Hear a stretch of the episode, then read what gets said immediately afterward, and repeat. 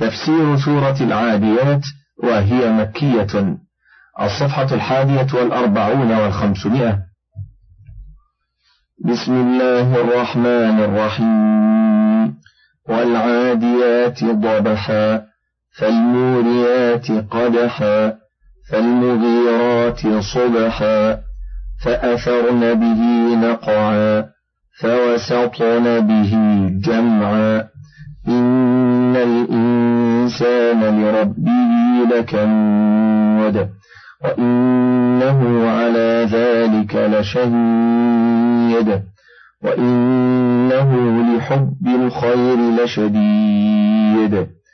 أفلا يعلم إذا بعثر ما في القبور وحصل ما في الصدور. إن ربهم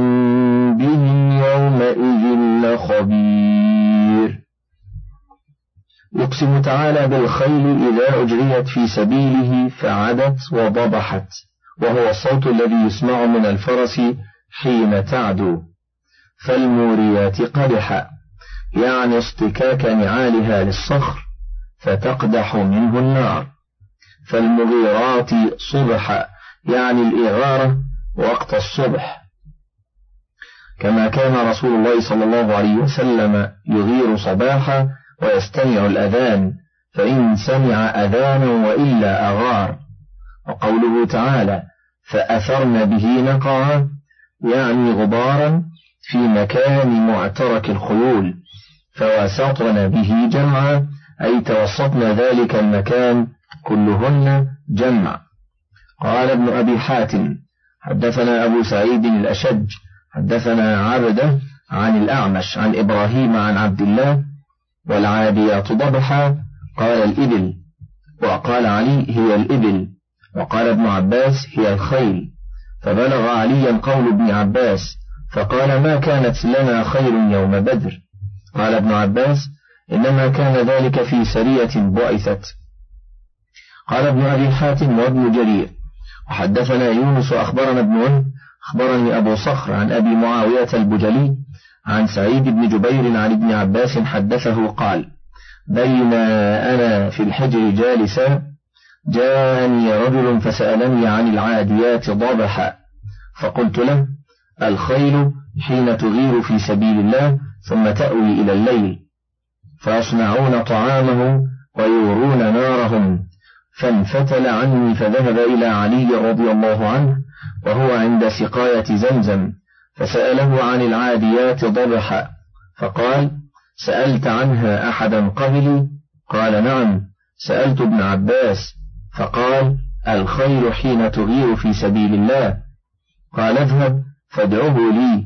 فلما وقف على رأسه قال أتفتي الناس بما لا علم لك؟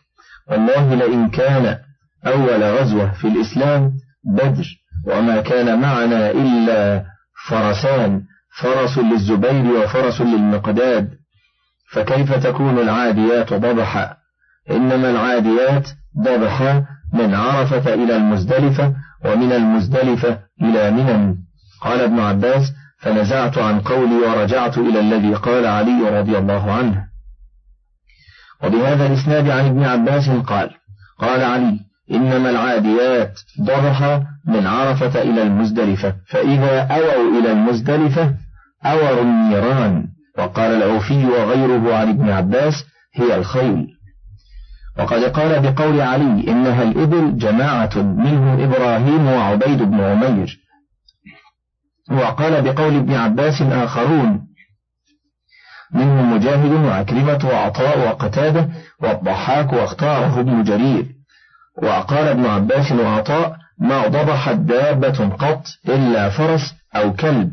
وقال ابن جريج عن عطاء سمعت ابن عباس يصف الضبح أحن أحن. وقال أكثر هؤلاء في قوله فالموريات قدحا يعني بحوافرها. وقيل وسعرت الحرب بين ركبانهن. قاله قتادة. وعن ابن عباس ومجاهد فالموريات قدحا يعني مكر الرجال وقيل هو إيقاد النار إذا رجعوا إلى منازلهم من الليل. وقيل المراد بذلك نيران القبائل وقال من فسرها بالخيل هو إيقاد النار بالمزدلفة. قال ابن جرير والصواب الأول أنها الخيل حين تقدح بحوافرها. وقوله تعالى فالمغيرات صبحا. قال ابن عباس ومجاهد وقتادة يعني إغارة الخيل صبحا في سبيل الله. وقال من فسرها بالإبل هو الدفع صبحا من المزدلفة إلى منن. وقالوا كلهم في قوله فأثرن به نقع هو المكان الذي حلت فيه أثارت به الغبار إما في حج أو غزو. وقوله تعالى فوسطن به جمعا. قال العوفي عن ابن عباس وعطاء وعكرمة وقتادة والضحاك يعني جمع الكفار من العدو ويحتمل أن يكون فوسطنا بذلك المكان جميعا. ويكون جمعا منصوبا على الحال المؤكدة وقد روى أبو بكر البزار ها هنا حديثا غريبا جدا فقال حدثنا أحمد بن عبدة حدثنا حفص بن جميع حدثنا سماك عن عكرمة عن ابن عباس قال بعث رسول الله صلى الله عليه وسلم خيلا فأشهرت شهرا لا يأتيه منها خبر فنزلت والعاديات ضبحا ضبحت بأرجلها فالموريات قدحا قدحت بحوافرها الحجارة فأورت نارا فالمريرات صبحا صبحت القوم بغارة فأثرن به نقعا. أثارت بحوافرها التراب فوسطن به جمعا قال صبحت القوم جميعا وقوله تعالى إن الإنسان لربه لكنود هذا هو المقسم عليه بمعنى أنه لنعم ربه لكفور جحود. قال ابن عباس ومجاهد وإبراهيم النخعي وأبو الجوزاء وأبو العالية وأبو الضحى وسعيد بن جبير ومحمد بن قيس والضحاك والحسن وقتادة والربيع بن أنس وابن زيد الكنود الكفور. قال الحسن الكنود هو الذي يعد المصائب وينسى نعم الله عليه. وقال ابن أبي حاتم حدثنا أبو كريب حدثنا عبيد الله عن إسرائيل عن جعفر بن الزبير عن القاسم عن أبي أمامة قال قال رسول الله صلى الله عليه وسلم إن الإنسان لربه لكنود. قال الكنود الذي يأكل وحده ويضرب عبده ويمنع رفده. ورواه ابن أبي حاتم من طريق جعفر بن الزبير وهو متروك فهذا إسناد ضعيف.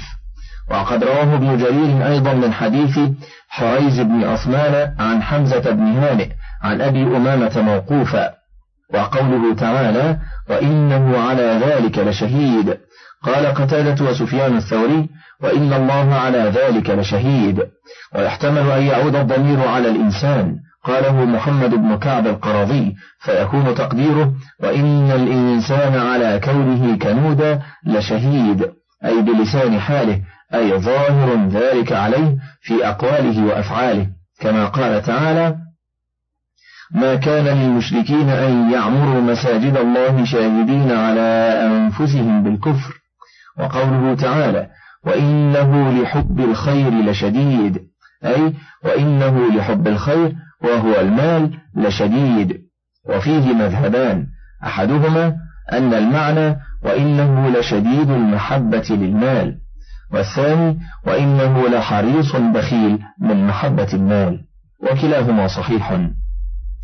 ثم قال تبارك وتعالى مزهدا في الدنيا ومراغبا في الآخرة ومنبها على ما هو كائن بعد هذه الحال وما يستقبله الإنسان من الأهوال. أفلا يعلم إذا بعثر ما في القبور؟ أي أخرج ما فيها من الأموات. وحصل ما في الصدور. قال ابن عباس وغيره يعني أبرز وأظهر ما كانوا يسرون في نفوسهم.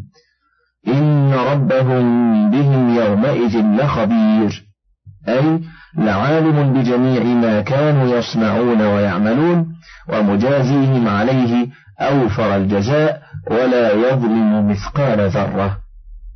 آخر تفسير سورة العاديات ولله الحمد والمنة.